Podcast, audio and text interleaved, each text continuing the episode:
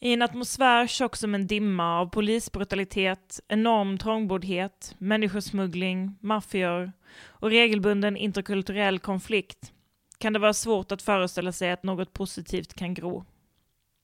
Ändå kan migrantlägret inte enbart beskrivas genom ödesdigra, sensationslystna rubriker. För mitt i våld och kaos av så många trasiga tillstånd och humanitärt oacceptabla öden återstår mot alla odds något vackert, som skapas av de som har hamnat här. Inom några timmar efter ankomsten till The Jungle, ett enormt migrantläger i Calais, finner vi oss själva delandes på en måltid i en trång husvagn ombyggd till sängkammare och matsal. Husvagnen var ett tillfälligt hem för en familj på flykt. Inställningen att en ska dela på det en har hade de lyckats hålla vid liv under hela sin kämpiga och upprörande resa från Irak. Detta kan tyckas vara ett banalt sätt att börja en berättelse om ett läger vida känt för sitt våld, det akuta tillståndet och sin extrema trångboddhet. Men under de kommande två veckorna var detta långt ifrån ett undantag bland lägrets invånare. Mod, solidaritet och kollektiva handlingar var tvärtom utmärkande för den här platsen. Mellan lägrets mer än 10 000 invånare har det skapats täta nätverk av stödjande människor Människor som kommit att fylla luckorna och åtgärda det som staten misslyckats med.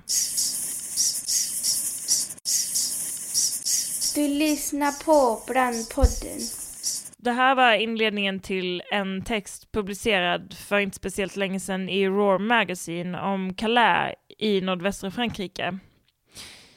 Eh, Calais är en plats som har kommit att präglas av dels de tusentals människor som väntar på att få eller kunna ta sig vidare till England, som är på flykt. Men vid sidan av den enorma repressionen och alla de våldsamma vräkningar som pågår där hela tiden så pågår också en hel del uppbygglig verksamhet och skapande av alternativa infrastrukturer på den här ockuperade ytan, som det faktiskt är. Det här avsnittet av Brandpodden kommer inte handla om Calais, men det kommer handla om det som kanske inte görs synligt så ofta när det pratas om land och husockupationer. Det kommer handla om nödvändigheten som ofta är motiven bakom varför en måste eller vill ockupera. Podden kommer handla om det som skapas och gror i en ockupation. Det som staten och kapitalet inte lyckats med. Det som de lämnat oss att fixa på egen hand. Och som människor faktiskt mot alla odds fixar på helt egen hand. För när vi pratar om vad som skapas pratar vi också om vad som saknas. Vi pratar om människors behov som kapitalismens krig och kapitalismens kris lämnat oss ensamma att fylla. Behov av mat, skola, vård, kunskap och samvaro. Behov av verkligt demokratiska samhällen där vi delar på det vi har. Från Calais till Poznan, från Rom till Nyköping och Hagsätra täpper bostadsaktivister, hemlösa och vräkningshotade igen de grava och livshotande sprickor som marknadssamhället skapat i det som vi fortfarande känner som demokrati. Men som dessa människor som inte har några alternativ än att protestera mycket väl vet inte är någon demokrati. Det här är första delen av ett dubbelavsnitt som handlar om bostads och husaktivism i ett krisande Europa, ekonomiskt såsom demokratiskt. Vi kommer att prata om anledningar, strategier och om vad en autonom plats faktiskt betyder för att vi överhuvudtaget ska kunna göra motstånd. Vi kommer bland annat prata om hur den svenska bostadspolitiken och ägandenormer påverkat rörelsen, höra en lycklig berättelse från Nyköping samt titta närmare på Polens unga men relativt stora ockupantscen. Så är det någon där hemma som fortfarande undrar varför vi ockuperar hus? Lyssna i så fall nu. Och hemskt mycket välkomna till Brandpodden.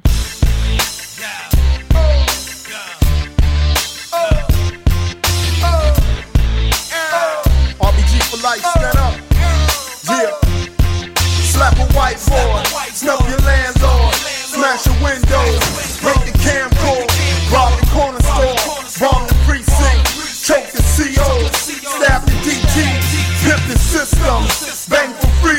freedom, fuck the high school.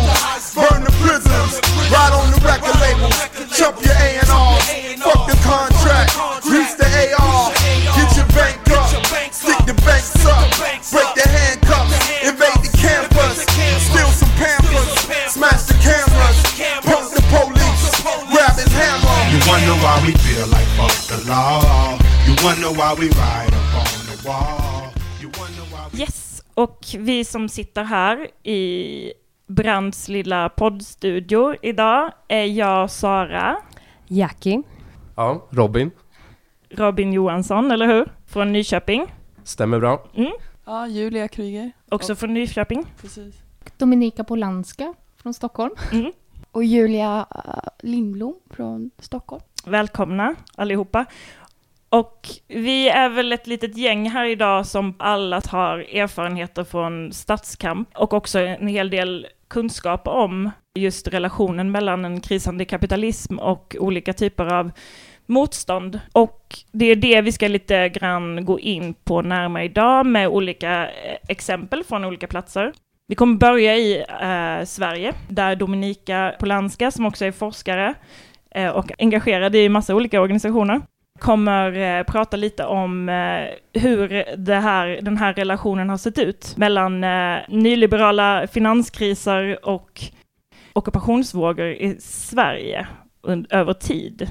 Och sen kommer vi gå in lite närmare på ett exempel som Jag kommer introducera, vi kommer landa i Nyköping 2008 där det inleddes en första ockupation som eh, senare skulle mynna ut i andra slags kamper än en reaktiv eh, eh, antifascistisk kamp, skulle man väl kunna sammanfatta det lite kort. låter det som att det stämmer ungefär. Nej. Jo, kanske. Vi får se. Det är min lilla analys där eh, som jag smet in. Och sen kommer vi flytta oss utanför det här landet och prata lite mer om eh, Polen och även lite tendenser i Östeuropa som också Dominika har tittat närmare på och även flytta oss längre ner i Europa till Italien och se vad som har hänt där. Men vi kan väl börja i Sverige. Ja, alltså den allra första kända ockupationen, det var ju kårhusockupationen 1968 i Stockholm. Eh, som var någon sorts eh, ockupation som inte varade särskilt länge, men fick en del uppmärksamhet och som var inspirerad av studentrevolten 68. Eh, vad gäller nyliberal bostadspolitik eh, så kan vi väl säga att 60 och 70-tals ockupationerna, men även 80-tals ockupationerna var väldigt mycket eh, reaktioner mot en stadsomvandling eh, som har att göra med en tanke som bygger på eh, det som under den tiden kallades för sanering. Alltså att sanera, att rensa arbetarklasskvarter som ligger ganska nära städernas centrum. Så det här är inte, vi är alltså inte enbart i Stockholm just nu, utan även Göteborg och Malmö. Um, där de här kvarteren ses som smutsiga och ska i stort sett rensas och det vi idag kallar gentrifieras. Alltså där människorna ska bytas ut mot um, ja, bättre, bättre bemedlade människor. Men eh, den nyliberala bostadspolitiken i Sverige börjar eh, eh, något under 80-talet, men det är under den borgerliga regeringen 91 till 94 som de allra största förändringarna sker inom den här Mm. bostadspolitiken. Som också väldigt mycket sen speglar sig i de ockupationer som följer efter 94, alltså under 90-talet. Och väldigt mycket eh, idag, alltså under de senaste 16 åren, alltså på 2000-talet. Men jag tänkte eh, prata lite grann om vad som hände där 91, eh, som är väldigt viktigt för hur det ser ut idag. Och en av de förändringarna som då infördes var, var ju att räntesubventioneringen eh, successivt bort. Det var lättare för allmännyttan att sälja ut. Den borgerliga regeringen gjorde att eh, ombildning blev möjlig under 90-talet. De krav som fanns på bostadsförmedlingar, alltså sociala krav eh, som fanns på bostadsförmedlingar, slopades under den här tiden. Och eh, någonting som kallas för Statens bostadsforskningsinstitut eh, lades ner under den här tiden och ersattes eh, eh med det Institutet för bostadsforskning som finns i Uppsala idag, som har funnits tidigare i Gävle. Och det här Statens byggnadsforskningsinstitut, det var det institut som någonstans ehm, gjorde olika sorters undersökningar av hur det förhöll sig på bostadsmarknaden och så vidare. Så statliga undersökningar som gav eh, underlag för eh, beslutsfattarna. Får jag bara fråga, vad får det för konsekvenser? Ja, att det saknas eh, kanske statistik. Eh, att det är mer eh, alltså statistik kring eh, em, eh, viktiga frågor Mm. som tidigare har varit eh, alltså finansierad av staten och nu ligger det ju då på Institutet för bostadsforskning men där, jag vill inte gå in på forskningspolitik men och Nej. även hur forskningen är uppbyggd idag, Ja. men där det blir inte lika systematiskt Mm. undersökt helt enkelt om vi säger så. Mm. Ja, utan att gå in på Mm. djupet. Mm. Eh, vad jag har sett i min forskning då, jag har ju eh, försökt kartlägga husockupationer i Sverige då sedan 60-talet ända fram till idag. Och vad jag har sett det är ju att de eh, husockupationer som, som ägde rum mellan då 60-talet och ända fram till slutet av 90-talet drevs av tre olika mål. Och här får jag ju uppbackning av eh, flera andra forskare som också har eh, forskat om det här. En som har bidragit mycket till den här sortens forskning är Hå- Håkan Törn som har studerat eh, husockupationer i Göteborg. Och sen Jan Karle också eh, som har skrivit en hel del om husockupationer i Göteborg också. Och sen har vi Ulf Stare som har skrivit en del om sociala rörelser i Stockholm. Och eh, även de drar ju den här slutsatsen om att det finns tre olika mål till varför människor ockuperar. Och ett är ju då boendefrågan. Mm. Eh, människor behöver boende. Eh, den andra är eh, någon sorts krav på allaktivitetshus. Eh, vissa har kallat det allaktivitetsrörelsen. Människor behöver platser att ha aktiviteter. Exakt. Exakt. Och den tredje är ju ehm, det som jag nämnde tidigare, en sorts bevarande av ehm, byggnader eller kvarter. Men inte bevarande i själva meningen att bevara ett hus, utan snarare bevarande av ja, grupper som, eh, så, som arbetarklasskvarter då. Alltså att Mm. det har någon sorts eh, djupare tanke än att bevara ett hus, alltså ett, ett, en, en fysisk byggnad, men ett bar, bevara någon sorts samhörighet. Ett litet samhälle i samhället. Mm, okej. Mm. Men det här har förändrats lite, eller det har tillkommit ett ytterligare mål enligt Exakt. Så, dina iakttagelser, eller hur? Exakt. efter, efter 2008, eller? ah, nej, alltså under 2000-talet Mm. så börjar ju, och det här är ju väldigt mycket effekten av den här bostadspolitiken som då eh, tar, tar fart då eh, under 90-talet. Och det fjärde målet är ju någon sorts reaktion, jag har försökt tolka det eh, som en reaktion mot nedrustning av välfärdsstaten. Nedrustning av fritidsgårdar, nedrustning, alltså nedstängning av eh, eh, byggnader där föreningar håller till.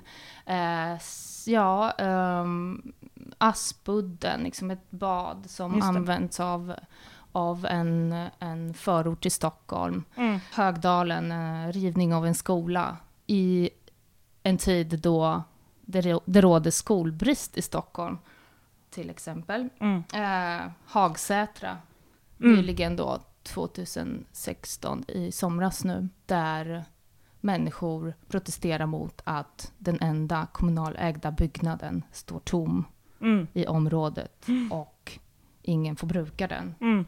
Eh, sen finns det ju lite olika förklaringar till varför husockupationsrörelsen har sett annorlunda ut i Sverige än i andra länder. För den tog ju fart eh, precis i slutet av 60-talet, som i många andra europeiska Mm. länder. Och inspireras väldigt mycket av autonomia, autonomenrörelsen. Och där influenserna till Sverige kom väldigt mycket genom Danmark Mm. och Köpenhamn med besättrörelsen och så vidare. Du pratade om eh, att det skiljer sig en aning från eh, resten av Europa. Även om det tar fart vid samma tidpunkt ungefär så har det ändå gått isär lite grann. På vilket sätt skiljer de sig? Ja, alltså Eller? om vi tittar på lite grann på de, ehm, på de förklaringar som andra forskare har gett så Mm. tänkte jag gå igenom eh, när Håkan Törn tittade på Haga, det område som han studerar i Göteborg Mm. och där det har varit eh, upprepade eh, ockupationer av olika byggnader. Ehm, sedan 70-talet och väldigt mycket under 80-talet. Eh, så, så, säg, så säger han då i den här forskningen att det är eh, på grund av att eh, det har funnits olika hyresvärdar i det här området som det har varit svårt att mobilisera. Eh, det har varit lite oklara gränser, fysiska gränser, att området inte riktigt har varit fysiskt avgränsat. Mm. Han urskiljer också en sorts brist på långvariga ko- koalitioner mellan olika grupper, att det finns en splittring mellan grupperna, en mångfald Mm. av olika grupper som är, som är aktiva i området. Men i senare forskning nämner han också även repression, alltså att repressionen i sig är är, ja. ja, är, är så pass svår att den ja, inte bara omöjliggör, men Avskräcker. den avskräcker från den här sortens aktioner. Sen finns en annan eh, forskare som jag redan har nämnt som heter Jan Karle och han skriver ju, han är ju väldigt mycket ungdomsforskare och han skriver ju om att eh, i, det, i Sverige, när han pratar om vad som skiljer Sverige från andra länder, handlar väldigt mycket om att ungdomar inte är lika marginaliserade eller hemlösa här som i andra länder. Eh, alltså att, vi, att det är inte är så dåligt här som, som det är i andra länder, är ju då hans Mm. tes. Eh, jag har en annan tes, eller jag har väl en, två kompletterande teser skulle okej. jag vilja säga till den Låt här höra. sortens forskning. Så den ena går ju väldigt mycket i, i, ihop med det Karle säger om marginalisering och hemlöshet. Mm. Alltså att miljonprogrammet som var färdigt 75 väldigt mycket tillfredsställde boendebehovet i Sverige Mm. eh, ganska länge. Det var ju en miljon bostäder som byggdes under ett tiotal år då, mellan 65 och 75. Så det spelar ju in att det finns bostäder, att bostadsbristen kanske inte var så akut då, 75-80, när de här rörelserna tog fart i resten av Europa. Men en annan tes, som även de andra har pekat på, men kanske inte lyft fram väldigt mycket, det är ju det här med att de radikala krafterna som har funnits i Sverige har väldigt mycket, eller de sociala rörelserna som har funnits i Sverige har ju traditionellt samarbetat väldigt nära med staten eh, från hela början i någon sorts symbios som gör att eh, radikala krav blir svåra att ställa.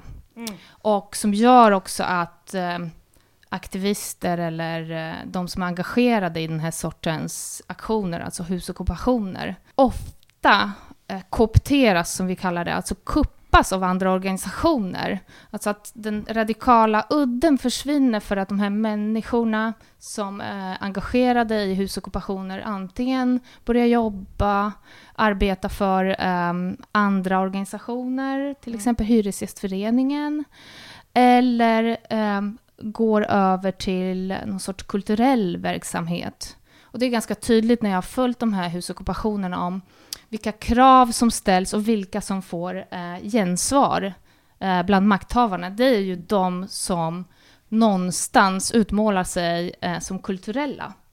Eh, alltså eh, i kontrast till politiska. Och det här är ju inte enbart jag som har pekat på det. Det finns en masteruppsats av en en eh, som heter Anders Lindell. Och han tittar ju just på sådana här ramar, hur, hur eh, husockupanter i Stockholm utmålar sina krav och vilken reaktion de får av, eh, av eh, makthavarna. Och då tittar han på Asp, Aspudden och Rinkeby, tror jag. Om jag inte missminner mig. Förlåt Anders om jag inte minns vilka, vilka exempel du har gett i din masteruppsats. Men där är ju en av slutsatserna exakt det här med att de som är inställda på samarbetare, samarbete, alltså inte konfrontation, utan samarbete med eh, ja, befintligt föreningsliv och, och även politiker och utmålar sin verksamhet som mer kulturell än politisk. Det är de som når framgångar. Oj, det där är ganska intressant information. Jätteintressant men jag tror att vi tänkte väldigt medvetet så i Nyköping. Ja, är det så? Ja, Ja, verkligen. Som en strategi eller? Ja, Mm, Ja. Exakt. precis. På vilket sätt då? Eller får man får jag fråga det? Eh, jo men att vi, vi eh, bildade en förening då, registrerade oss som Mm. förening med liksom styrelse och hela årsmöte och allting. Mm. Som fick heta Kulturföreningen Mm. Bergatrollen. Mm. Eh, och sen tryckte vi på att det var kulturverksamhet Mm. vi ville ha. Eh, ja. Ja visst, jag kan också känna igen det där. Ja. Liksom. Lund hade ju Kulturmejeriet Ja, just det. eh, som också blev ett, eh, ett, ja, en institution efter, eh, alltså under 80-talet och Cyklopen kallade Mm. ju sin kampanj för kultur, kulturkampanjen. Ja. Mm. Ja. Men jag tänker, eh, bara för att vi ska gå vidare också snart, men, men eh, på något sätt så pratade du innan här idag om, när vi pratade lite förut, eh, om att det ändå kom en slags ockupationsvåg kring 2008. Som jag tänker också hör ihop lite med det vi ska gå in på snart, zooma in på Nyköping lite grann, men kan du berätta lite om hur, vad du har iakttagit där? Ja, eh, nu är jag ju kvalitativ, kvalitativ forskare, så jag gillar egentligen inte att presentera siffror. Men om jag tittar på antalet husockupationer i Sverige så är det en klar våg, eh, den allra största vågen under husockupationernas historia i Sverige under 2008 och 2009. Mm. Det sker alltså många fler ockupationer än under första 20, 20 åren. Mm.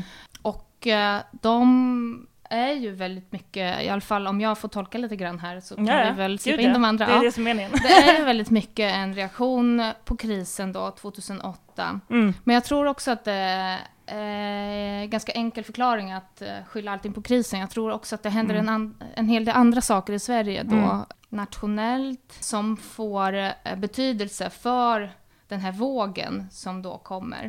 Eh, en sån är ju det blåa styret sedan 2006. Mm. Och att det då 2008 är två år sedan regeringsskifte Mm. och de flesta förändringar börjar då implementeras. Mm. Och en annan är ju att eh, den svenska husockupationsrörelsen har ju va- väldigt mycket varit inspirerad av eh, sin danska motsvarighet eh, under lång tid. Och vad som händer i Danmark sedan 2006 det är ju att ungdomshuset rivs 2007 Mm. efter omfattande protester och kravaller, återkommande kravaller och en protestvåg alltså i Köpenhamn som sträcker sig genom 2007 och till slut så får aktivisterna ett annat hus i. Köpenhamn. Vilket innebär att den rörelse som tar fart, eller den våg som tar fart i Sverige väldigt mycket kanske inspireras av de framgångar som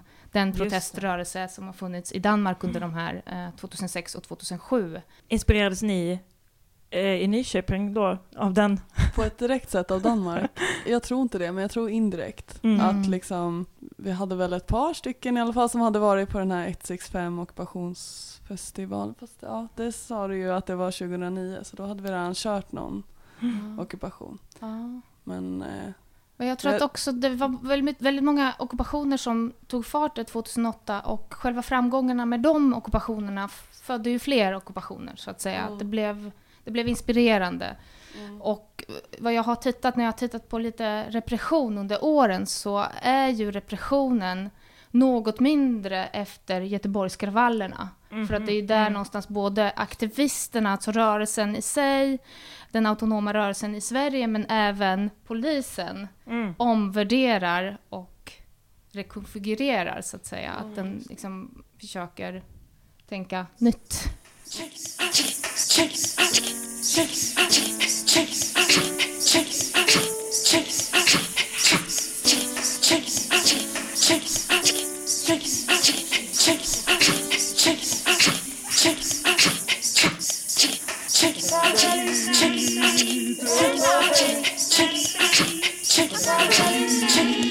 lyssnar på Brandpodden.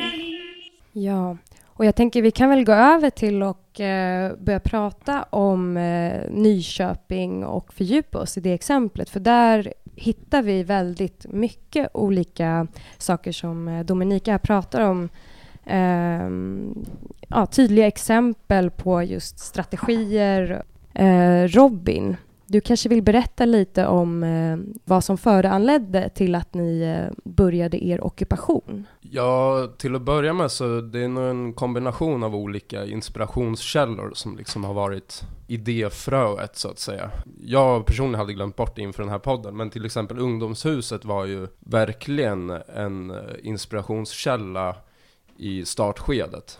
Rent Nej men just uh, vi i Nyköping hade inte tänkt och hunnit tänka över så mycket just så här våran uh, icke-befintliga plats och träffas och nätverka på. Jag vet när vi startade upp Syndikalistiska ungdomsförbundet 2006 tror jag det var.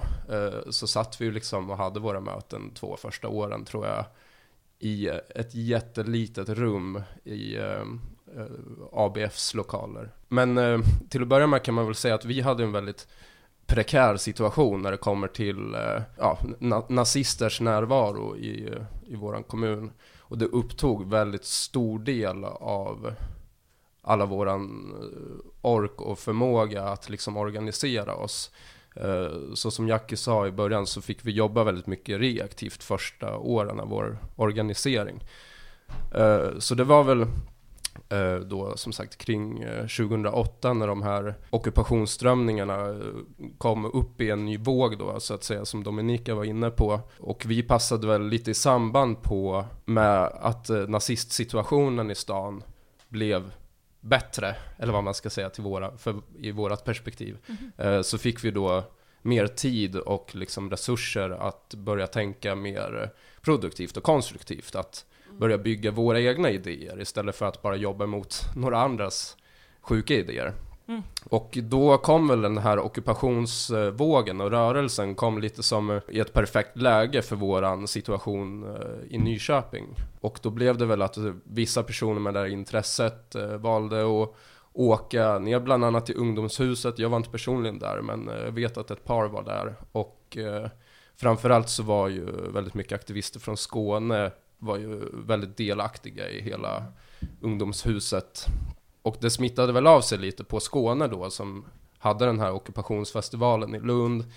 Och det ena ledde till det andra. Det var mycket folk från Nyköping som åkte ner till den festivalen. Och där började man bygga de här personliga kontaktnäten i den här typen av eh, tänk och sakfråga just kring husockupationer. En Mm. fråga som i Sverige tyvärr varit ganska obefintlig ända Ja, sedan det är nästan eh, att det inte finns som 60-70-tals en möjlighet liksom. Ja men precis, jag Mm. tror, ja det kickades igång något Mm. där helt enkelt. Mm. Och eh, vi hoppade väl upp lite på det här tåget eh, just på grund av att vi började inse att så här, ja, nästa steg för oss nu när vi inte behöver jobba reaktivt är ju just att vi behöver en plats. Mm. Jag tänker väl initialt så var vi var ganska unga de flesta av oss. Vi identifierade oss väl ändå som eh, ja, autonoma. Mm. Eh, rent eh, subkulturellt och Mm. identitärt Mm. också i den åldern kan man väl faktiskt påstå. Men i, i kulmen av det, hela den ockupationsvågen då så formulerades väl våra idéer lite successivt efterhand när vi redan hade bestämt oss för att börja ockupera Mm. olika Mm. husobjekt eh, som stod tomma som kommunen ägde. Mm. Eh, och i, i, de trakterna i Nyköping och Oxelösund så har vi också sett de få fritidsgårdar som har funnits, eh, till exempel har lagts ner, eh, utom ett ställe som har typ så här öppet två timmar, Mm. tre kvällar i veckan och du Mm. kan typ dra dit och spela pingis. Mm. Mm. Det är liksom det enda utbudet som existerade. Eh, och det fanns liksom inga så här, eh, hus för att utöva fri kultur Mm. i, eller vad man nu kan vara intresserad av. Eller organisera sig. Ja, precis. Framförallt organisera sig var väl våran första ambition Mm. liksom. Det var så här, jag vet att vi snackade om det också, att liksom vi ville ha någonting annat. Vi ville att dörrarna skulle stå öppna på vårt hus till skillnad från slakthuset där det var någon det. liksom, anställd som hade en nyckelknippa och låste upp Ja. båten. Liksom. Mm. Och Någon, sen, som, någon som godkänner att man får komma in Mm. liksom. Jo, Mm. Eller att, alltså just som slakthuset också. Jag, jag har till exempel haft, hade replokal eh, på slakthusen när jag var i yngre tonåren. Men där är det också så här, du ska ha ett väldigt specifikt intresse. Typ så här, Mm. hej, eh, jag gillar att spela gitarr. Mm. Och eh, nu startar jag ett band ihop med några andra. Och då, då fick du ju också hyra replokaler, Mm. bör tilläggas. Mm. Vi var ju tvungna att betala liksom Jaha, okej. 300 kronor per person i Ja, månaden eller ju, något sånt. det är ju en stor Så det är ju liksom, det är inte öppet hus och det är inte Nej. gratis Nej. eh, och så vidare och så vidare. Du lyssnar på Brandpodden. Vi mötte egentligen bara repression av politiker snarare än liksom polisen ville liksom inte vara den här våldsamma mellanhanden mellan oss medborgare och eh, ja, vi som krävde Nej, Ja, och det hade ju också att göra med att vi förde någon sorts ganska lyckad eh, utåtvänd kampanj liksom, där vi Mm. delade flygblad på torget och, och ringde lokaltidningen och var med på lokal-tv också. Och, Mm. eh, så redan från samma- början, alltså 2009. Hur såg den inte. kampanjen ut? Vad var era krav så att säga? Eller liksom vad, vad var era... mm, Ja, Det handlade just om det här Argument. huset, att Mm. det liksom var resursslöseri av Mm. kommunen. Och det Mm. höll ju folk med om när vi Mm. pratade med dem. det är det man kan trycka på liksom. Att det är så här. Ja, Mm. och, och det var ju sant. Alltså jag håller ju med Men- mig själv. Får jag bara ställa en fråga nu? Tänk att, eh, för att du pratade innan om, om just eh, behovet av självbestämmande, liksom att man har ett eget hus, man har kanske själv har nycklarna till, liksom, eh, och som man öppnar upp på ett annat sätt enligt andra liksom, principer. Alltså det tänker jag att gemensamt för de ockupationer och rörelser vi ser nu, liksom väldigt inriktade på någon slags demokratisering och att liksom överta makten från, från den kommun som vi känner den och skapa en egen kommun. Alltså hade ni sådana paroller också i Nyköping under den här tiden, alltså att det var liksom ett eh, demokratiunderskott i och med det här resurslöseriet, eller? Jag tror Och- att, såna, att sånt kanske växte fram, alltså just under ockupationerna. Mm. Jag är intresserad av, av, av de liksom psykologiska mekanismer eller så som kan gå igång Mm. eh, i samband med sådana här Mm. eh, grupp, alltså kollektiva processer. Och ja, jag tänker att det liksom var en euforisk upplevelse för jättemånga som Ja. deltog. Eh, och det är många som känner igen säkert som har ehm, eh, varit engagerade i andra ockupationer. Visst, och, och ja, Nej men, nej men jag tänker verkligen också det, alltså det blir ju på ett sätt att man skapar sig ett utrymme för att kunna praktisera en annan politik för en liten stund, för den erfarenheten behöver man. Precis. för att överhuvudtaget kunna argumentera för och föra en annan typ av vision, liksom, Ja. än den nyliberala Precis. statsvisionen som vi matas med dagligen och som, ja, ja, och har man aldrig haft den här erfarenheten av Mm. eh, platt demokrati eller Mm. så, så vet, ja, så kan man ju inte sträva efter det. Men, eh, men just att det var många som fick med sig den erfarenheten i samband med ockupationerna Mm. och sen jag kanske började kritisera då, alltså Mm. radikaliserades av det. Och, just det. Ja. Det är verkligen, Nej, jag tänkte bara inflika med att eh, eh, autonomen eller autonomiarörelsen som var aktiv i Europa under 60-talet kom något senare till, eh, till Sverige då. ehm, och också besättrörelsen var ju väldigt mycket fokuserade på direktaktion och direktdemokrati. Och att skapa någon sorts alternativ till representativ demokrati. mm. Och eh, skapa också alternativ till auktoritär socialism. Liksom. just det. Så att det, var, det, det fanns tidigare. Om vi går tillbaka till eh, själva liksom, utförandet av ockupationer och eh, hur man gör en ockupation. Alltså vad finns för strategier för en lyckad ockupation-? Och eh, som vi pratade om tidigare, det här om man liksom eh, fokuserar på det politiska ut, budskapet utåt eller ska man liksom trycka på det kulturella, liksom en blandning. Och hur löste ni det i Nyköping? Var det, fanns det någon medvetenhet i att liksom koppla in andra föreningar som jag har hört har varit väldigt aktiva? Ehm. Nej, det var nog senare.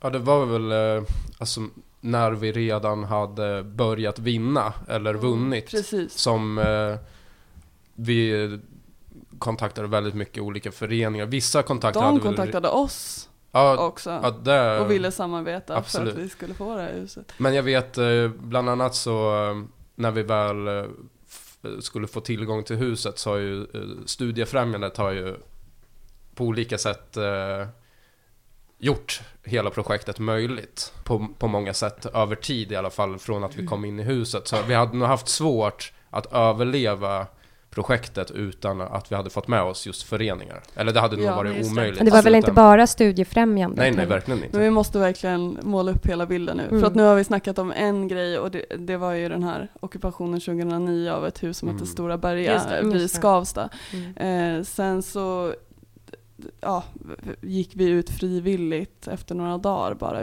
Eh, vi hade något, liksom, vi fick till en dialog med politikerna då under det att vi var i huset och sen så lovade de att vi skulle få fortsätta dialogen under hösten och då Mm. gick vi ut för att vi liksom, det var vårt krav att få till en dialog men sen så märkte vi liksom under hela hösten att de bara sköt på allting och inte Mm. gjorde sitt jobb och inte ville att Försökte glömma, glömma lite grann.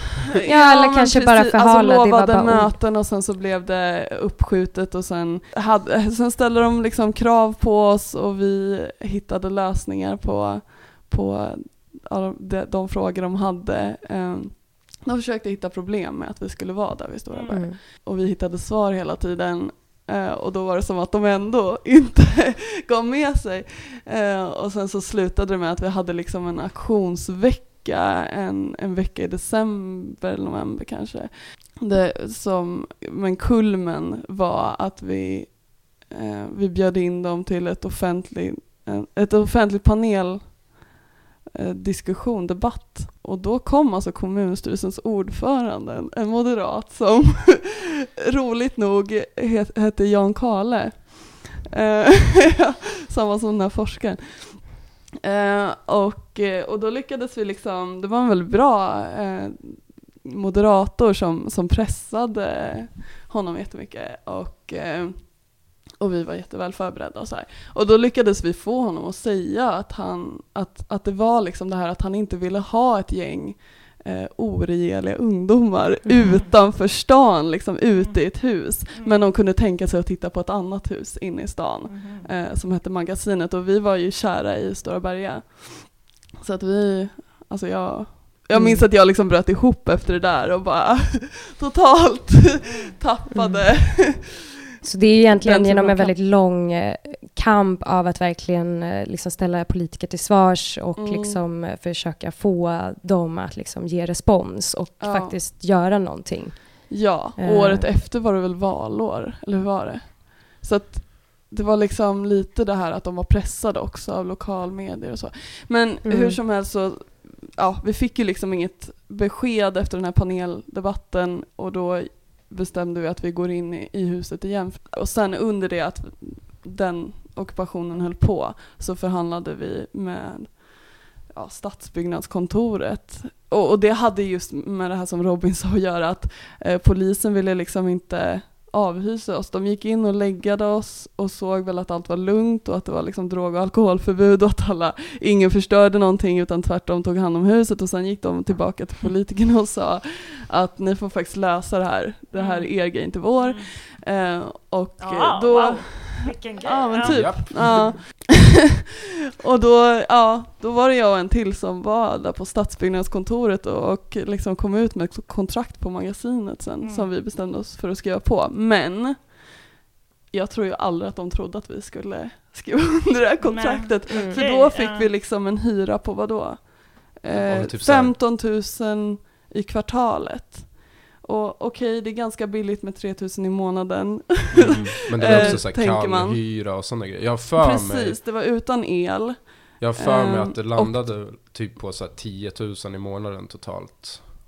Ja, något sånt. ja precis. Och vi ungefär. var ju liksom en löst sammansluten liten grupp med liksom folk som precis, som antingen i gymnasieåldern eller precis hade gått ut.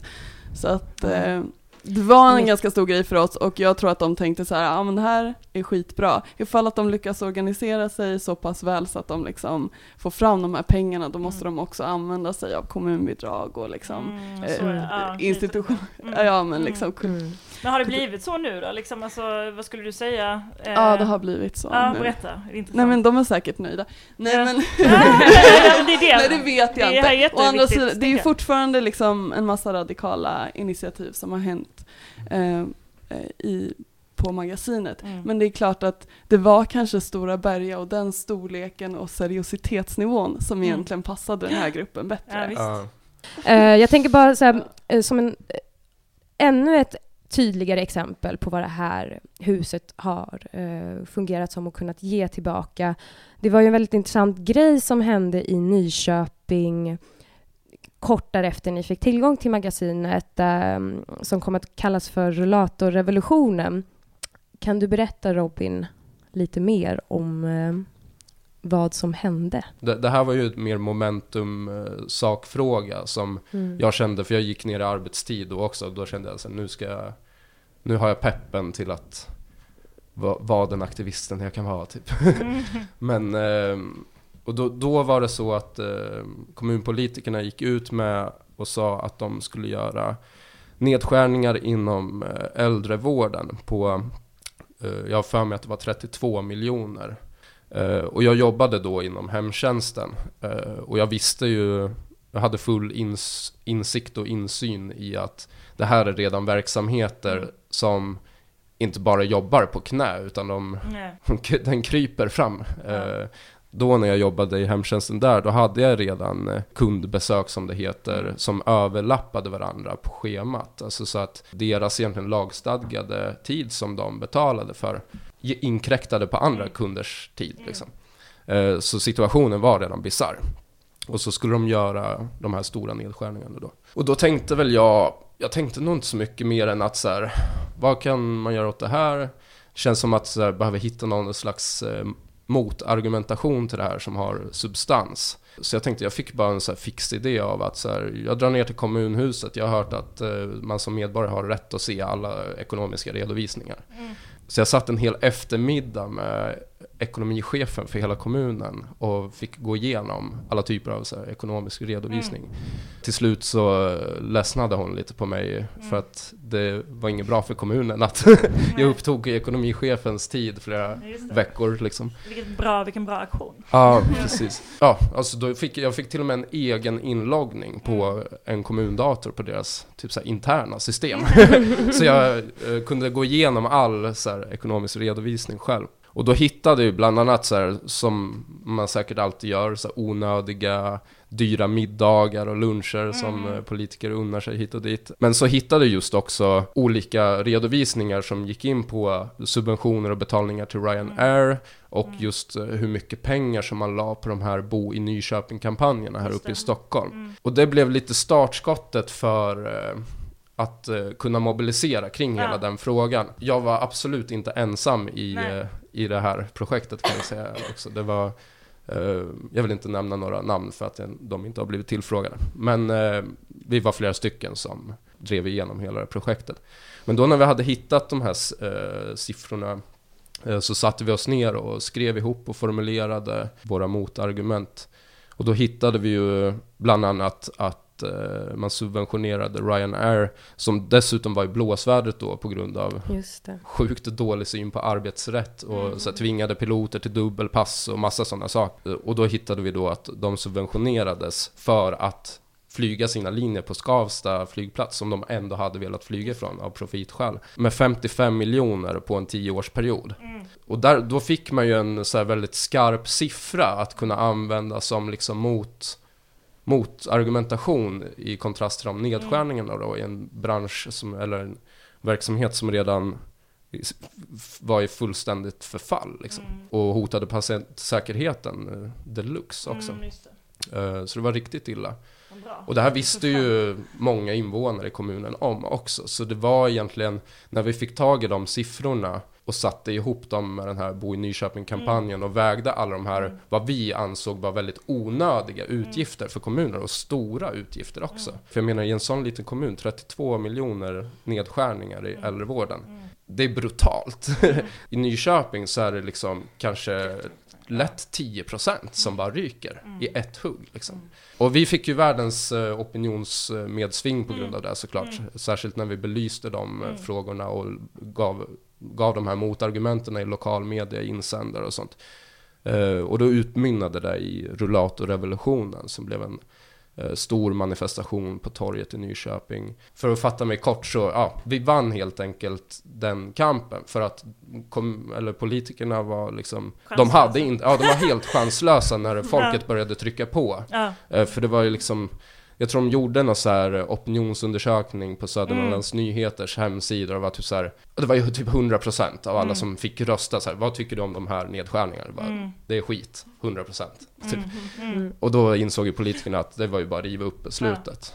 Och, och där kan vi också se en lyckad kamp där magasinet verkligen blev huset vi möttes i, huset där vi satt och formulerade våra En motargument. förutsättning för att ni skulle kunna driva den här grejen. Ja, precis. Det ledde också till paneldebatter med de högsta politikerna i kommunen, i de här nämnderna och eh, i kommunstyrelsen.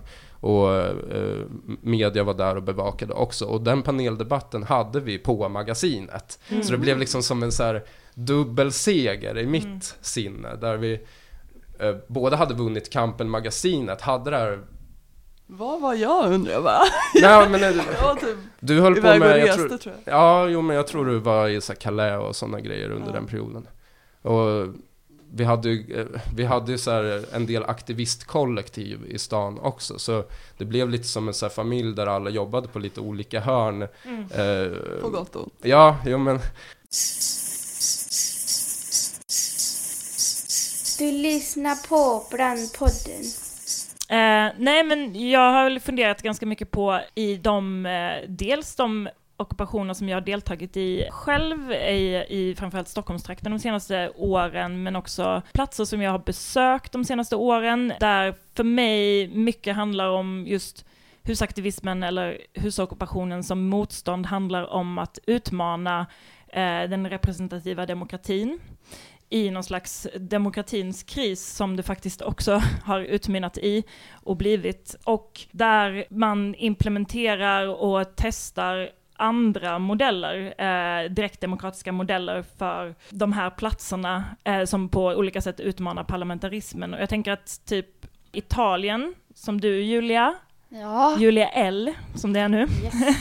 har varit eh, besökt mycket och bott i de senaste året faktiskt. Är det väl? ja, jag kom hem för tre veckor sedan. Mm. Eller? En månad sedan snart. Precis, välkommen tillbaks. Där bland annat i, eh, i staden Neapel, en så kallad medborgarplattform, som det faktiskt kallas, har vuxit fram i också relation till eh, och i, i konversation med en medborgarplattform i Barcelona. Eh, men den här medborgarplattformen i Neapel heter Massa Kritika och jag tänkte börja med att, att läsa ett litet citat från deras eh, text som vi också publicerade i för, förra numret, eller förra numret blev det, av Brand, som heter Det Lokala. Där de säger att vi har satt upp ett enkelt och gemensamt mål, att sluta lida under politiska beslut som kommer ovanifrån och istället bestämma över oss själva, underifrån och tillsammans. Och jag tänker att det Alltså både det ni pratar om i Nyköping, att det är typ så här, vad man kommer tillbaka till, alltså oavsett om det handlar om punktinsatser som på något sätt ockupationen här i somras i Hagsätra på ett sätt var. Det blir ju någonstans en symbolisk, man skulle kunna avfärda det som en symbolisk ockupation, men det var ju i själva verket ett eh, direkt manipulerande av det nyliberala statsrummet eh, för att skapa oss en demokratisk plattform att prata om de, eh, den bostadspolitiska kris som äger rum i Hagsätra just nu, eh, där människor inte har något som helst inflytande över sitt eget boende, sina hyresrätter.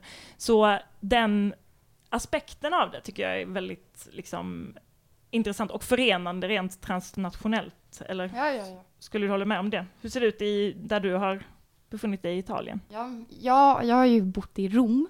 Mm. Eh, men jag har varit mycket i Neapel eh, den här våren framför allt. Och så är det också så otroligt mycket som hinner hända på få månader när man är på en plats. För att det är liksom en historia, alltså historiskt sett så har Italien en, en eh, ockupationer och en historia av eh, självförvaltning och självorganisering som går 25 år tillbaka i tiden. Men de senaste åren så har det varit en repression också i rörelsen. Men det är liksom så otroligt mycket som hinner hända under ett år också i hur och ett Mm. projekt som Massa Kritika är också, eh, har också hunnit utvecklas otroligt mycket och det är så Vill du berätta lite om Ja, det? Massa Kritika är som en, eh, bygger på kvartersorganisering underifrån för allas rätt i staden. Och i Massa Kritika som eh, plattform så ingår det jättemånga olika sociala center och ockupationer i Neapel. Det är liksom det är som en plattform och det bygger väldigt mycket på just lokala folkförsamlingar. Att man samlas på torget eller i kvarteret och diskuterar olika frågor som är viktiga. Det som är intressant i Neapel är att den här borgmästaren Luigi Di Magistris har en rätt fram, eller mass, snarare en massa kritiker som har en rätt fram dialog med honom vilket gör det inte blir ett, något bedjande tilltal utan man har faktiskt eh, liksom rätt att göra de här ockupationerna och försöka diskutera vad skulle, det, vad skulle en allmänningsinstitution kunna vara och eh, bedriva radikala politiska projekt som just bygger på självorganisering. Vad har de gjort? Eh, Vad de har gjort till exempel, där jag var väldigt mycket, som man kan säga är min plats i, i Neapel, heter Los Gugnizzo. Eh, som är ett före detta fängelse. Eh, det var ett ungdomsfängelse ända fram till 20 år sedan ungefär. Och sen stod det tomt. Eh, och sen för, i september förra året, som, som ett minne eh, av här Quattro Giorni eh, di Napoli. Jag vet inte om ni känner till det. Berätta gärna. Eh, nej, det var 1943.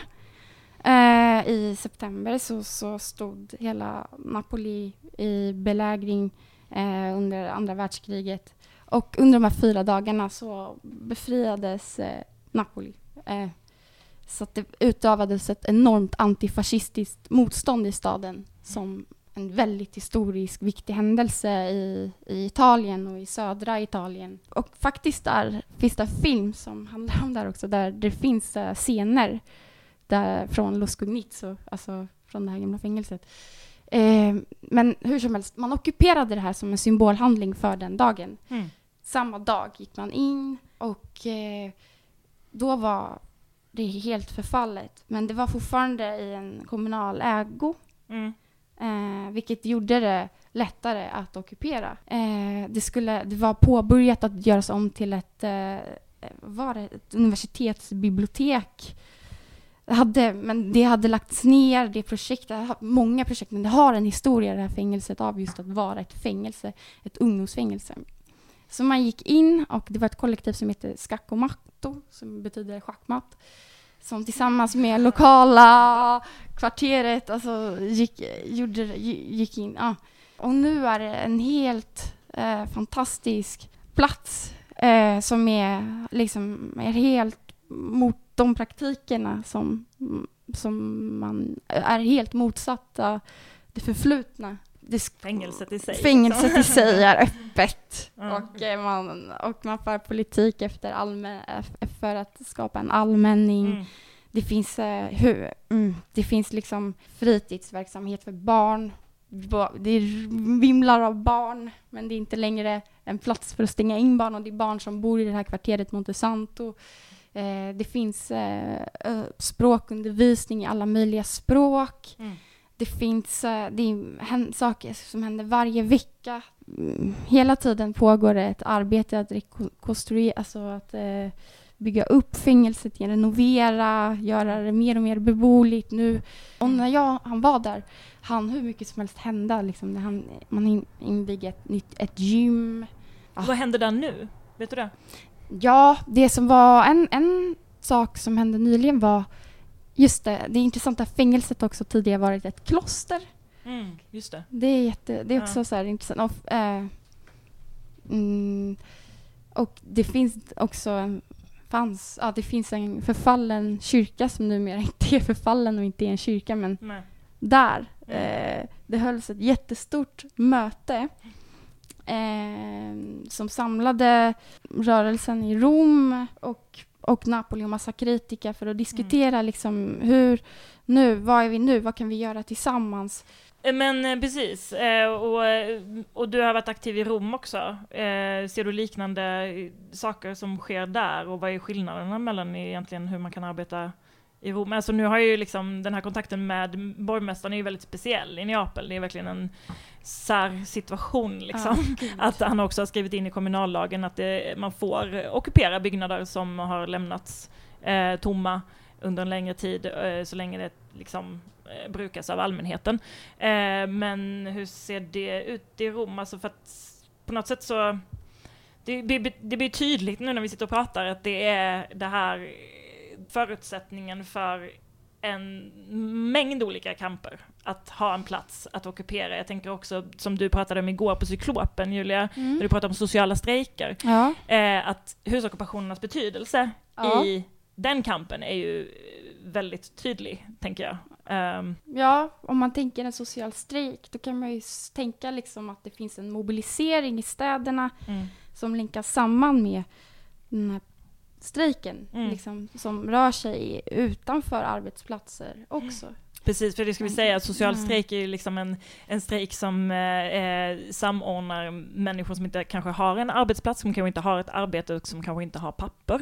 Mm. Eh, exempelvis, som befinner sig i väldigt prekära arbetsförhållanden också, som inte kan ansluta sig till ett fack Mm. eh, och så vidare. Och då eh, kan man ju tänka sig att de här platserna som inte heller ingår i det systemet eh, blir väldigt betydande för att överhuvudtaget kunna organisera människor som inte har kanske bostad ens Ja. i krisens Europa. Verkligen. Men det är precis som när du pratar om Nyköping och hur viktigt det var att kunna göra den här rullatorsrevolutionen. Alltså liksom, vi måste ha platser där vi kan mötas, där vi kan, där vi kan bedriva politik, där vi kan sätta vår agenda. Du lyssnar på Brandpodden. I, om man pratar om Rom då, Mm. där det finns liksom hundratals ockupationer och sociala center, men också och väldigt många bostadsockupationer Mm. där det bor familjer, eh, som liksom, människor som har blivit hemlösa i, i, i krisen och fått tak över huvudet. Det, det, och, det, och det står också väldigt många hus tomma för, i spekulationssyfte. Alltså för att de här eh, husen, när de är tomma, då kan de, värdet på dem öka. Så man låter dem stå tomma så att den här gentrifieringen i ett kvarter ska sätta in. Men det är hus där människor kan bo. Alltså, Mm. det är så... Under tiden. Liksom. under och, och, och det är en... Eh, I Rom också ser vi det, liksom, att man... Eh, och det som har hänt nu i Rom är att man har rivit upp en överenskommelse som har funnits som heter Delibera 25. Mm. Ja. Och i Rom just nu, det har varit en, en, en borgmästare tidigare som hette Marino som var helt eh, vidrig. Crazy. Ja, yes. Eh, och repressionen har varit stark. Men nu har man, eh, under en period i Rom har det inte varit någon borgmästare, utan istället en kommissionär som heter Tronka. Och han har liksom också utfärdat eh, vräkningsorder eh, och alla, Mm. och det har liksom I varit alla en husockupationer, Stor, ja, ja. alla husockupationer och, och eh, vi ordnade en jättelik eh, demonstration i våras som samlade över 20 000 på gatorna i Wow. Rom. Ja. Så att det är också så här, nej man kan inte bara, det går inte att, att vräka en Nej. historia. och en och nödvänd, och alltså en en nöd En nöd, en nöd och en... ja. Ja, eh, vill du säga någonting Robin? Ja, jag kom, kom bara att tänka på um, så ytterligare exempel med liksom, liknande fenomen. Mm. Det var när, när vi var i Barcelona så det har varit väldigt så här, revolu revolutionär stämning. Mm. Eh, säkert i stora delar av Spanien. Mm. Men i, i Barcelona blev det väldigt uppenbart att så här, eh, internationella kapita- eh, kriser i Mm. kapitalismen och de här starka vågorna av gentrifiering liksom samverkar på något sätt eh, Mm. som en lobby mot de här, eh, eller mot nya squats också. Mm. Mm. Barcelona har rätt mycket eh, gamla ock- ockupationsobjekt.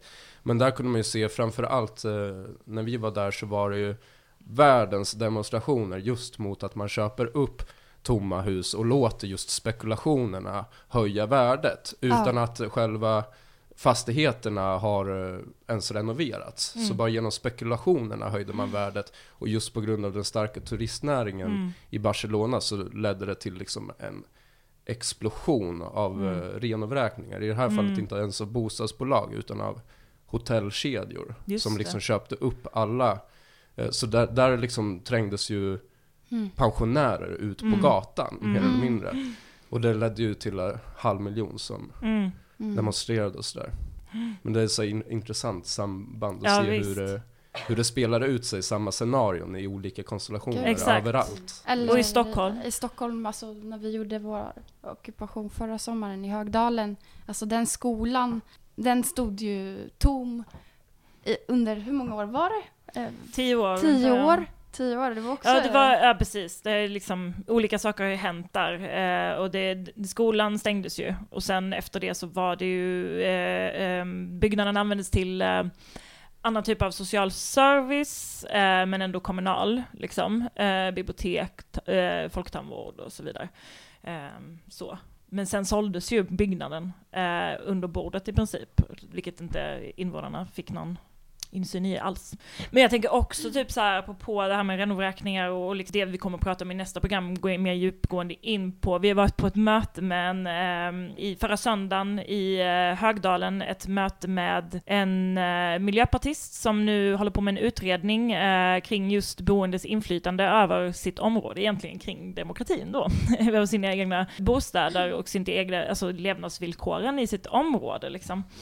Och då var det en man som var väldigt eh, upprörd där liksom, och han sa att typ så här, alltså ni, ni anar inte vad ni ställer till med. Jag kommer liksom inte, jag har ingenstans att ta vägen efter det här. Liksom. Vräker ni mig nu, det är också pensionärer som blir vräkta av Ikano och Ikeas bostadsbolag som chockhöjer hyrorna, liksom renoverar upp eh, bostadsbeståndet. De har köpt nästan hela allmännyttan i det här området, eller de har köpt hela allmännyttan i området söder om Stockholm. Och han sa det den här mannen som bodde där, bor där liksom och har fått en, fått en 80% i hyra, han sa liksom att det här är inte, det här är liksom inget, ni, ni, ni är gamla med våra liv i princip. Alltså jag kommer, jag kommer liksom kedja fast mig vid min byggnad och folk kommer bli förbannade. Folk, alltså det kommer bli uppror om ni inte gör någonting nu mot det här, för det är människor ni föser ut liksom, vi blir hemlösa.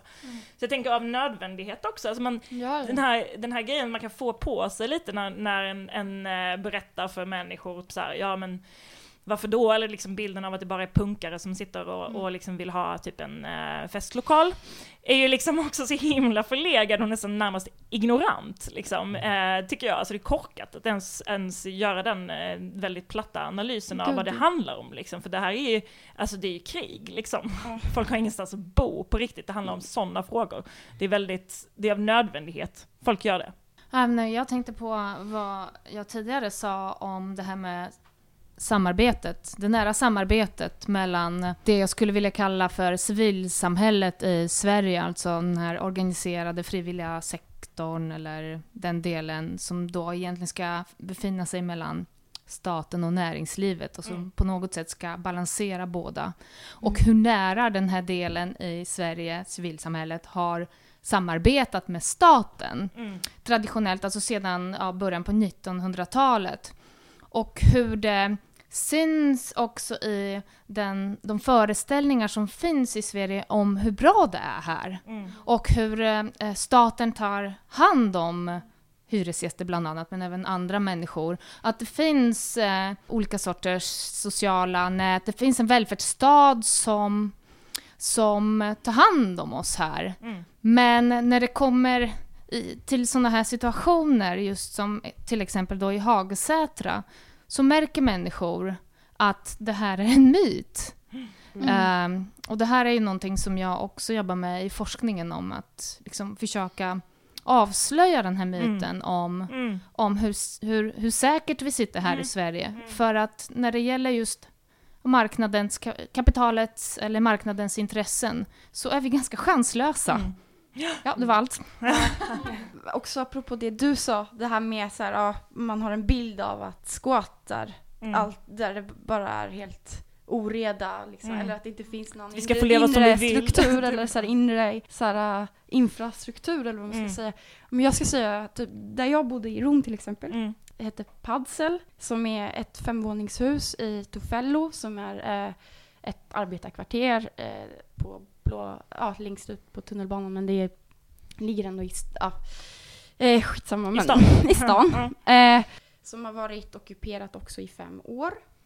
Eh, Och det hör också ihop med ett socialt center som ligger väldigt nära, som heter Astra, som har varit ockuperat ännu längre. Mm. Eh, men det här Padsel, det är, där bo, ja, det är inte endast en bostadsockupation utan den, här, den, eh, Padsel fyller väldigt viktiga sociala funktioner i det här kvarteret. Mm. Som är ett, eh, k- ett, ett, eh, ett kvarter populär, alltså ett, ett, inte ett rikt kvarter i, där det, ett, Arbetar. ar, det är ett arbetarkvarter som, där Padsel, en plats som Padsel och, och, och Astra fyller viktiga eh, funktioner. Eh, till exempel eh, på första våningen på Padsel så bor det, bor ingen utan där är det istället eh, läxhjälpsverksamhet två gånger i veckan som alla som bor på Padsel hjälper till att läsa läxor. Det är också italienska undervisning för eh, migranter som behöver lära sig italienska två gånger i veckan. På Astra så lagar alla mina kamrater på Padsel mat. Eh, de har ett, ett, ett kök. Eh, två gånger i veckan en middag. Eh, Mm. ja, på Astra som Mm. inte kostar, som kostar jättelite till Mm. självkostnadspris. Med en meny som är så fem rätter och två primo, Mm. tre. Alltså det är typ Mm. det, är typ det godaste maten man kan äta. Fantastiskt, det är det man behöver för Ja, men det är kämpa. fantastiskt. Ja. Och, så här, och Astra ordnar också liksom olika temakvällar varje vecka. Och just det, på bottenvåningen finns också en facklig verksamhet. Det finns ett fack, ett basfack i Rom som heter CLAP. Eh, som, som framförallt organiserar prekär, liksom prekära arbetare och hjälper till med arbetsrätt och juridisk rådgivning. Och, och varje måndag så är det assemblea som pågår i timmar. Alltså, som Vad är det för någonting? Stormöte. ett Ja, stormöte liksom. I, när vi, och det är hela tiden i process. Och huset är helt fantastiskt. Och, Ja. Men en utopi som är också praktisk typ. Alltså, Och som det är finns. Också, som Alltså, finns. mm. Alltså, Mm. som handlar om att Mm. ingenting är färdigt. Det går inte att bara Mm. sätta utan det är något som pågår. För ibland när man pratar om utopier tycker jag att det, då missar man det här. Men vi måste ju handla också. Vi kan inte bara, vi Mm. måste göra något av våra drömmar. Alltså, ja men exakt, och våra drömmar börjar ju liksom i där på något sätt kapitalet eller kapitalismen har misslyckats. Jag vet inte, jag tänkte på det du sa, för jag har ett citat här från, från eh, Spanien också, där de har formulerat det som att de tar itu med stadens problem. Det är från en person som är organiserad i Malaga, eh, i det spanska nätverket Fundación de los Comuns. eh, som beskriver det här. Och, eh, och då beskriver den här personen det som att återställa gemenskapen eh, där vanan att dela, att skapa tillsammans, att samarbeta gått förlorad i ett samhälle som är mycket ostrukturerat och uppdelat. Där de sociala banden är avslitna efter det långa nyliberala tidevarvet och alla gentrifieringsprocesser. Och eh, jag tycker det är så bra på något sätt för att det handlar verkligen om slags rehabilitering, typ som man håller på med, alltså även om det är ett hästarbete att ockupera och bygga upp det här från början och man blir ju utbränd liksom. Så är det också ett sätt att återfå en, eh, eller återfå en, om man nu ens har haft det innan liksom, men att, att eh, få eh, skapa en annan bild av hur saker och ting faktiskt från grunden skulle kunna fungera och se ut. Alltså det handlar om nästan en slags ny estetik, liksom. Att, typ en ny politik som man måste erfara, liksom, eh, för att förstå den och för att, för att sen kunna bygga den. På så sätt så lever en ju utopin, om man nu ska Mm. säga det så, eller ska man bara säga det här är en annan vision av staden, liksom.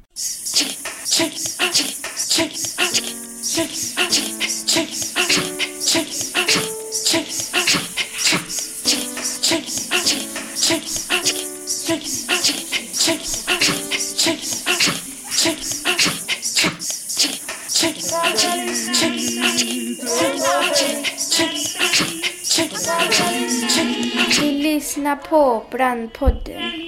Det som Julia berättade om, om vad för sorts aktiviteter som pågår på husockupationer eller sociala center i Italien liknar ju väldigt mycket det som också äger rum i Polen.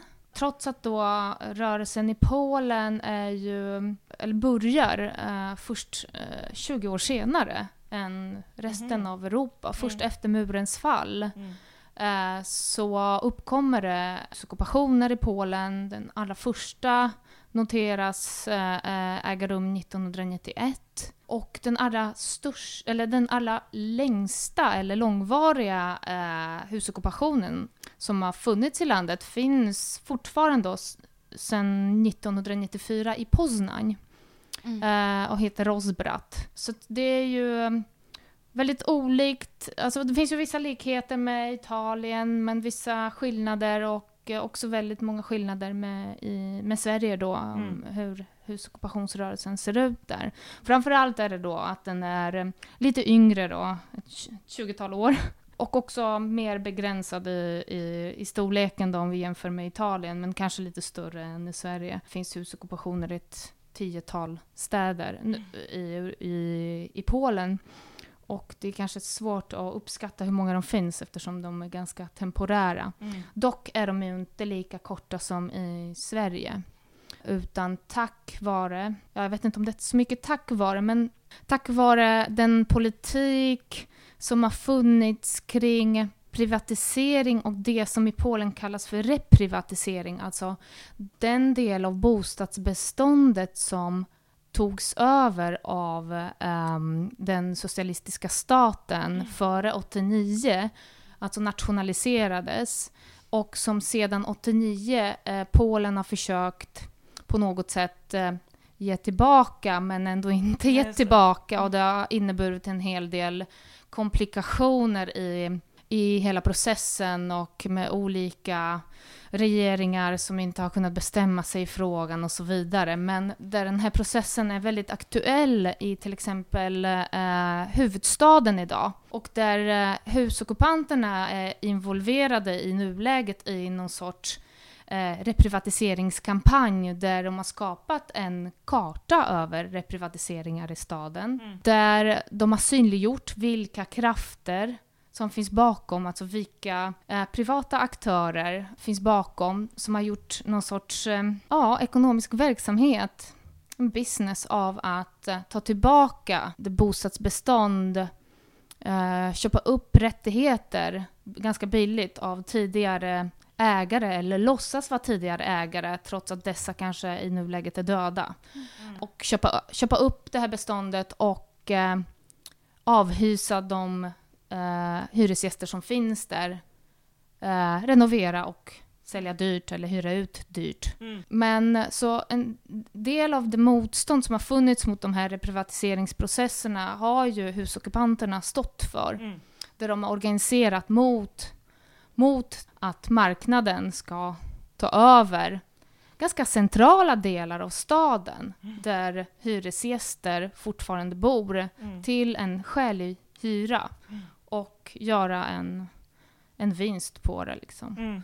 Och det som har möjliggjort de här husockupationerna är ju just de här processerna som drar ut på tiden, som minst då sex år, att faktiskt fastställa vem som äger en byggnad. Mm. Som gör, möjliggör för husockupanterna att faktiskt stanna kvar och Mm. bygga en rörelse på plats. Precis. Och därför är ju också Polen väldigt olikt Sverige i den bemärkelsen att privata byggnader tas ju hellre i anspråk än Mm. kommunala. Mm. Eftersom det är där de här äg, alltså ägandestatus är Mm. ofta oklart. Mm. Och det kan vara så att det är 20-tal personer som äger en byggnad som har blivit återuppbyggd efter kriget. Mm. Eh, och där det behövs fastställas vem som Mm. egentligen, av vem den tillfaller. Och då tar det väldigt, väldigt lång tid. Just det.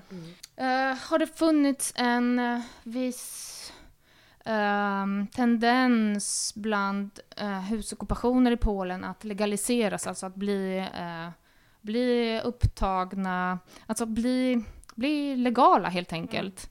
Eh, gå från att vara husockupationer till någon sorts sociala center som har eh, kontrakt med kommunen, men där det också inneburit en hel del begränsningar just i form av ehm, att de ofta måste då betala hyra och att de har vissa krav på sig att eh, erbjuda en, ett visst utbud av aktiviteter då Just det. Mm. eh, som kommunen ställer. Så det finns Mm. såna såna fall också.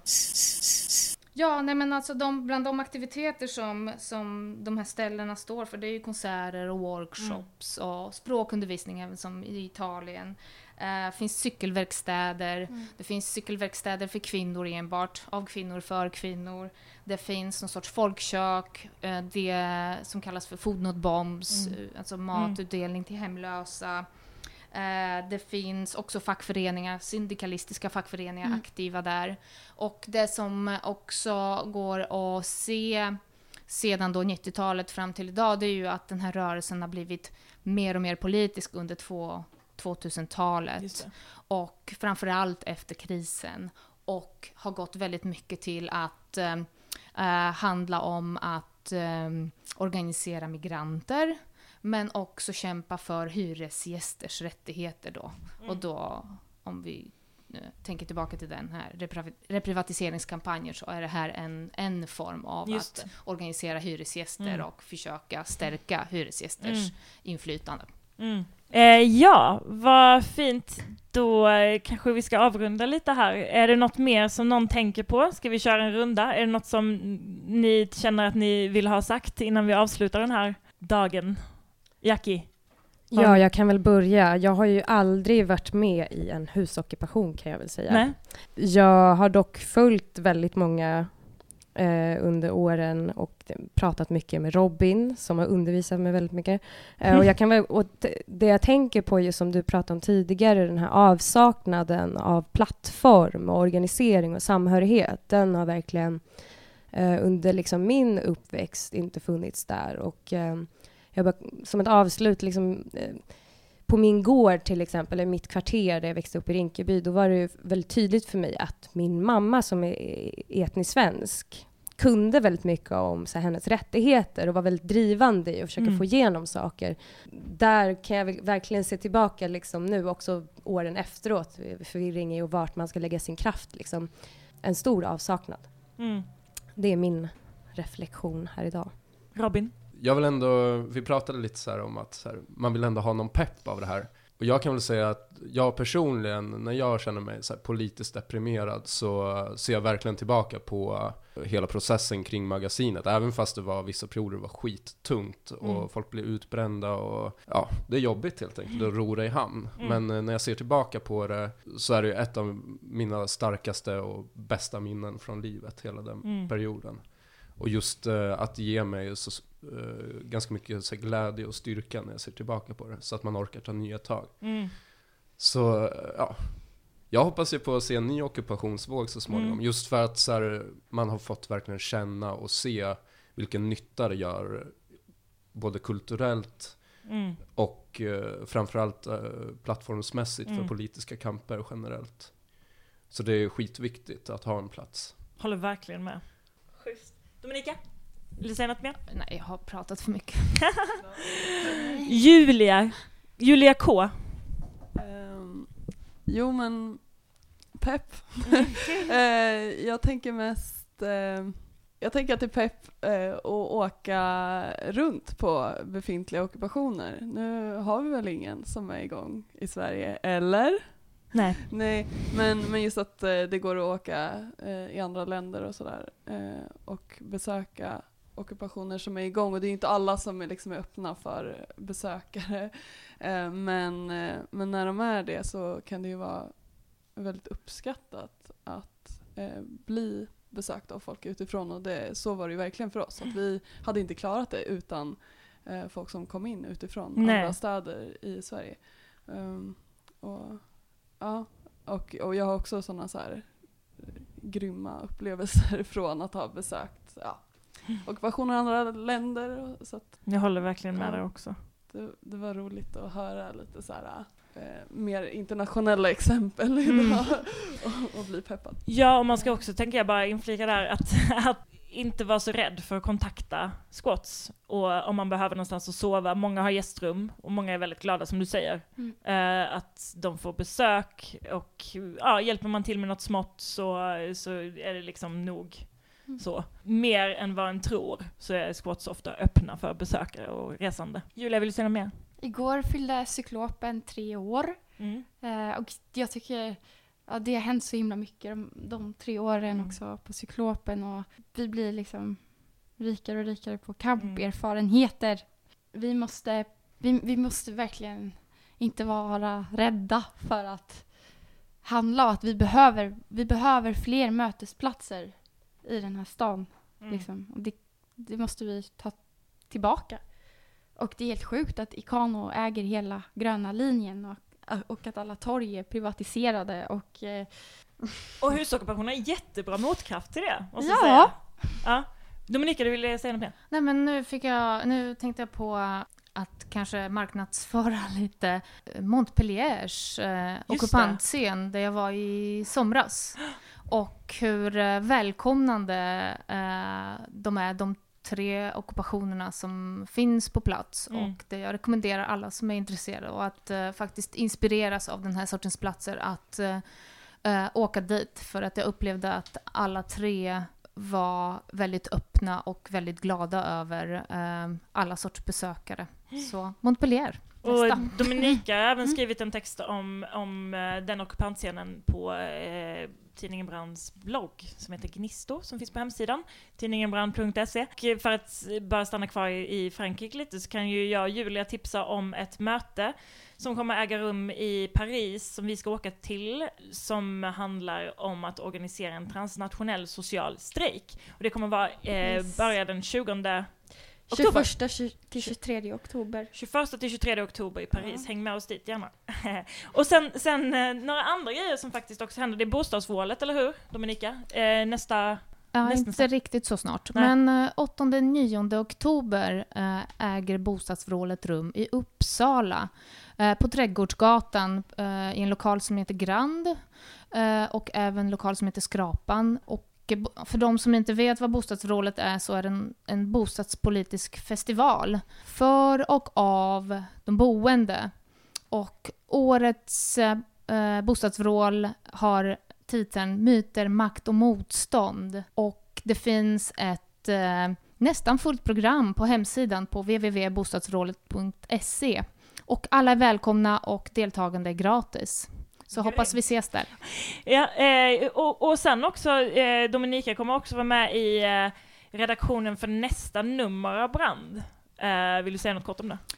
Ja, eh, nästa nummer av Brand kommer handla om eh, just centrala Östeuropa och de sociala rörelser som finns där. Just nu vill jag inte avslöja så mycket, Nej. men just sociala rörelser och hur de har växt fram efter eh, 1989. Men vi ska även titta på vad som fanns före Mm.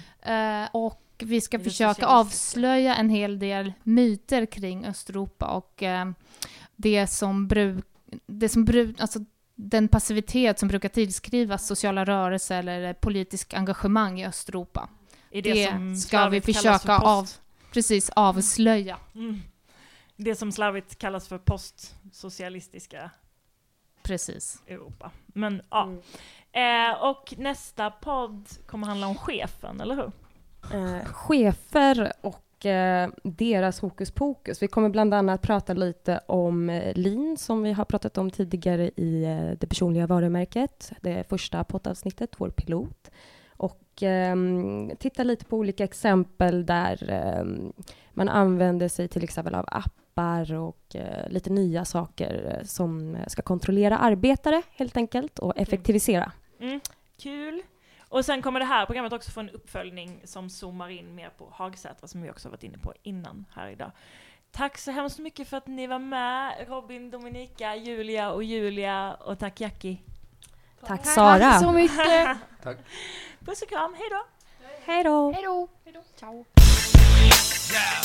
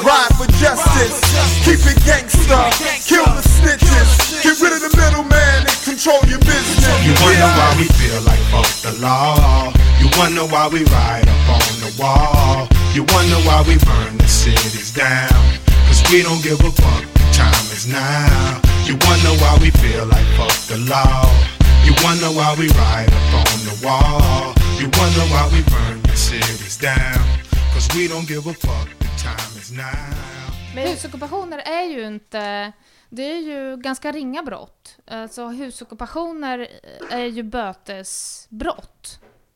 Mm. Så att egentligen, eh, alltså, om det är en husockupation, alltså om det handlar om en om olaga intrång och någon sorts förstörelse, vandalism, eh, så skulle det kunna vara grovt olaga intrång. Och då kan det vara någonting mer än böter.